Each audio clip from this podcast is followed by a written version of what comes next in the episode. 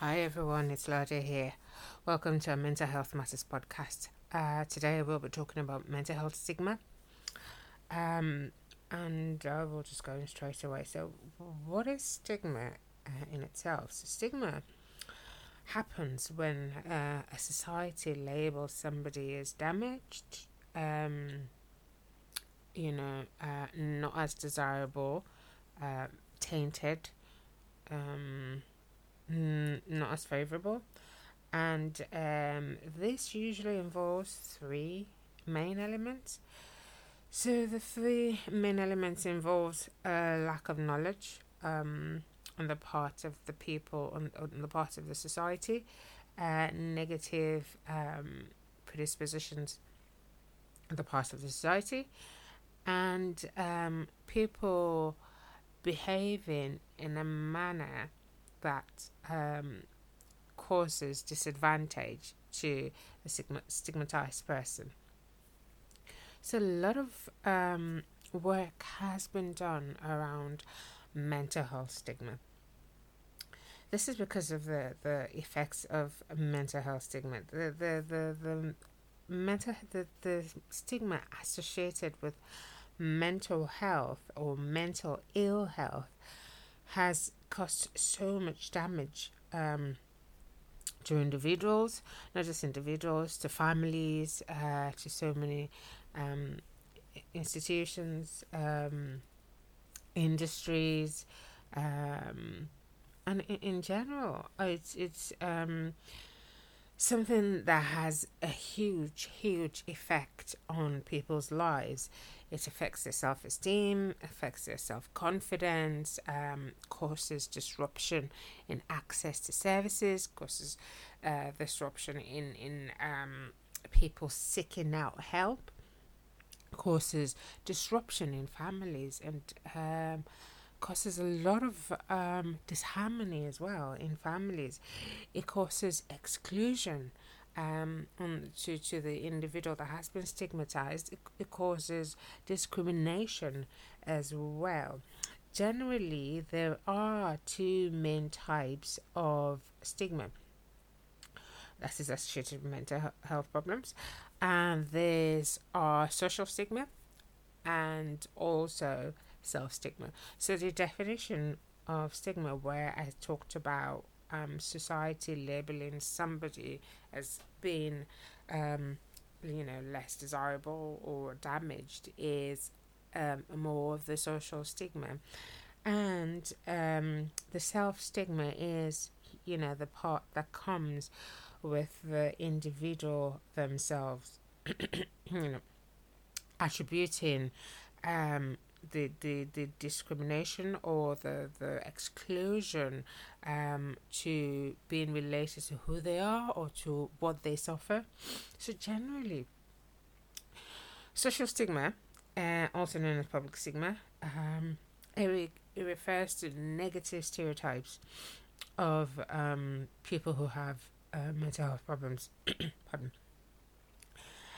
It makes people seem to be different. It makes them seem to um, be completely um, out of the norm for us when compared to a large uh, part of the society in general.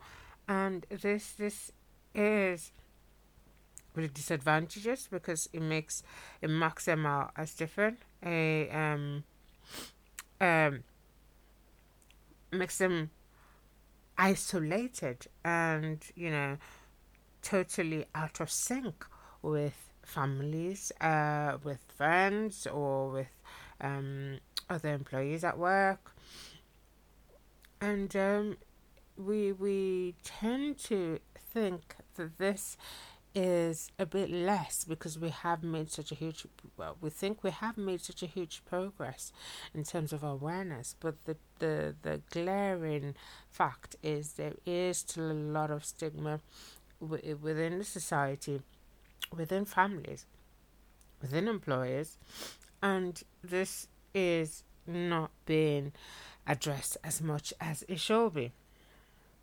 So going by um, some states, some some facts. So it is estimated that one in six people in the past week, this is going by a research that I've recently just had a look at. Uh, one in six people in the past week experience a mental health problem. And of these, uh, one in six people who have um, mental health problems, they are predisposed to stigma because of uh, you know the social stigma that is associated with mental health problems. So now imagine one in six people who are affected by this common ailment, which is mental health problem, being at risk of social stigma, which means it is affecting a large, large uh, percentage of the population.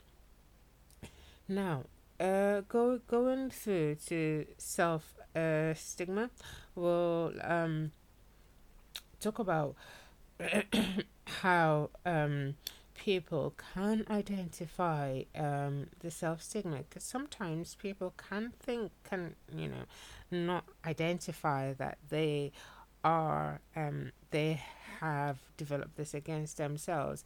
And it, it takes the help of other people other professionals um, you know to think about this and identify with them. And um, it, it tends to start off from lesser, uh, you know, reduce self esteem, reduce self confidence because they have a certain uh, mental health problem, which they um, feel, you, you know, makes them disadvantaged, makes them feel um, out of uh, norm with everybody else. And ultimately, this affects, you know, they're, they're, they're seeking treatment, they, you know, their desire or the readiness to seek treatment. It affects how they view the illness itself. It affects how they are able to open up and talk about the illness itself. So we, we have both the social stigma and then we have the self stigma. So going on to talk about the three main parts that need to be present. We um i've talked about the lack of knowledge and negative uh, attitudes and um you know the the the other bit of, of uh you, the the uh, people behaving in ways that can cause disadvantage uh, to the stigmatized individual. So to look at the first two main parts, you know, of the, the elements I've talked about, which is a lack of knowledge and the negative uh, predisposition, meg- negative attitude people have towards mental illness. Now, people have this view that people, you know, individuals who suffer mental illness are weak or um, there's just something wrong with them, or um, you know, there's something wrong with them in terms of them not being normal, or um, in terms of them not being able to man up and, and deal with things, or uh, attention seeking. These are examples of things I've you know read on social media or or seen or uh, been fed back to. So these generally, if you look at them, they are centered around a huge, huge lack of knowledge. So, talking about mental illness, research has shown that quite a lot of mental illnesses have um, genetic backgrounds. They have, um, um, you know, they have. They do have triggers and also they, there are biological factors associated with them an example will be uh, depression where you know there is uh, the chemical imbalance in the brain um, uh, an example will be, um, you know, schizophrenia, bipolar affective disorder, autism, uh, ADHD, and these individuals are not weak. They are, um, you know, they are not classed as being being able to man up, because mental health is just as important as physical health. It might not be you know, as pronounced or as visible as, you know, someone who um, has a physical health problem, who has to be on oxygen, where you can see them going around with the oxygen uh, tank. And um, as a result, this gives people the impression that um, mental health problems are due to people's being weak or people not being able to stand up for themselves. While we have had huge, huge research to show that multi me- mental health uh, disorders are multifactorial.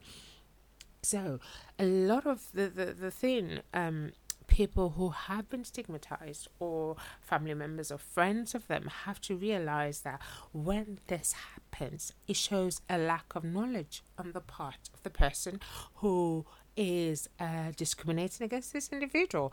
Because when they actually do their research and spend time to find out the cause of mental illnesses, they will find out that it has you know, absolutely nothing to do with the individual's, um, uh, you know, um, weakness or uh, the individual's not being normal, as they would say, and um, also negative, negative um, predisposition and prejudice people have against mental illness. An example will be schizophrenia.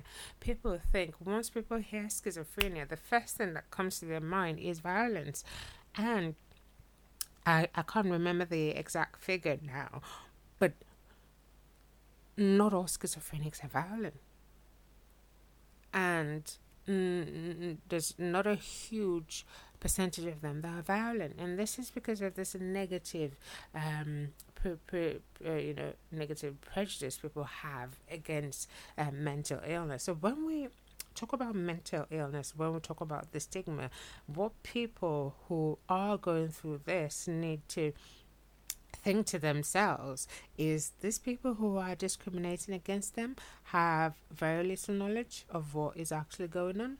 And um it is a consolation because when you meet with your professionals, and that's for the people who have been stigmatized, or have been discriminated against, or excluded, um, or the family members or friends, when you meet your professionals and you seek out information yourself about this disorder, or you go to the websites uh, like the Royal College of Psychiatry website or uh, Mind. Um, and several other ones uh, that have leaflets on um, oh, leaf, uh, leaflet information on mental health disorders, you will go through it and see you know the vast amount of research that has been done um, to show that this is not as a result of people's weakness. So seek out the information and try to get to uh, know um, the multi factorial nature of mental health illness and realizes people or society in general who stigmatizes against mental health is usually due to a huge huge lack of knowledge on the part and also the negative prejudice. So the, the negative prejudice is something that i think we all as a society need to um, you know address as much as we can. Um yes there is um the, the, there's there is uh as just as much as we can do as individuals but there's also whenever we um meet with friends or whenever we see people post things on social media. I had um a situation a couple of years back where somebody just put on social media. I think maybe the person must have been going through a difficult time and talked about um, how they had been discriminated against. You know, it, it is at such times um, we can, as individuals, reach out to these people and, you know, just um, give them encouraging words because you never know how much of an impact that would have.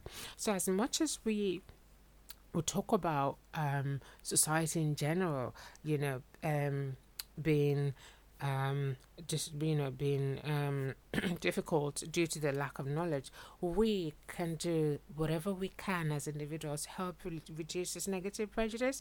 Um, you know, it's of comments by people or um, seemingly jokes uh, that that can be said about others. So um, going through this, I've, I have identified the two main elements, and these two main elements is how we can actually tackle stigma uh, through increasing knowledge, putting out the actual real knowledge out there for people to have access to, and also uh, the negative prejudice through individual uh, individual work. Um, through you know um, organizations as well And um, the, the the reason why we all have to be hands on for um, stigma is because of the impact. It has such huge um, consequences. You know, a, a, a recent survey, a, survey in two thousand and one, in two thousand eleven showed that almost 9 out of 10 mental health service users in England had experienced discrimination. This is huge. Really huge. Which means um, the, the, the certainty of one service user or one person expert by experience or individual who's going through mental health uh, difficulty to be discriminated against is is is is is is, is, is something that's going to be definite um, occurrence that that would happen. So th- this is something we all have to be out there and hands on about stigma. So the, the consequences are huge.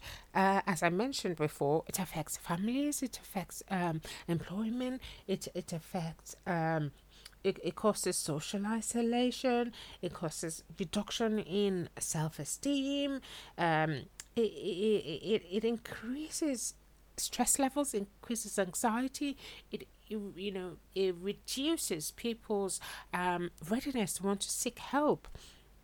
It makes um, you know families as well um, less likely to open up and seek help or you know seek um, seek out the services that can help their loved ones.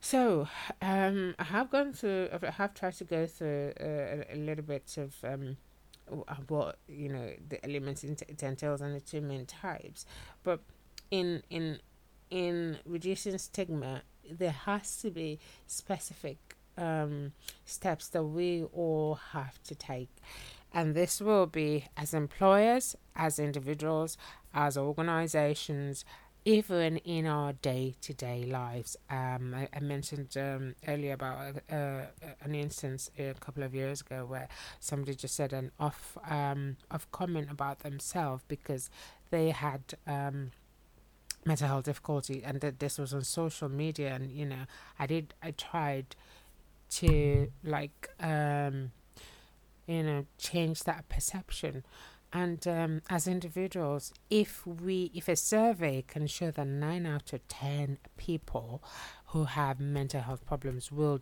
uh, suffer stigma, then it means as you walk around every day, or as you're on social media, or as you're at work, an opportunity will come for you to help somebody who's had mental health problems or who's had uh, who's having who's had mental health or who's have a, who has a family member or a loved one who um, is being discriminated against. And you know the more people the more of us who are ready to stand up and help and you know stand and correct the lack of knowledge or you know reach out to these individuals the more the less the stigma would have an impact on people and ultimately the less um, it, it, the, the, the social stigma will continue to thrive. So, thank you for listening.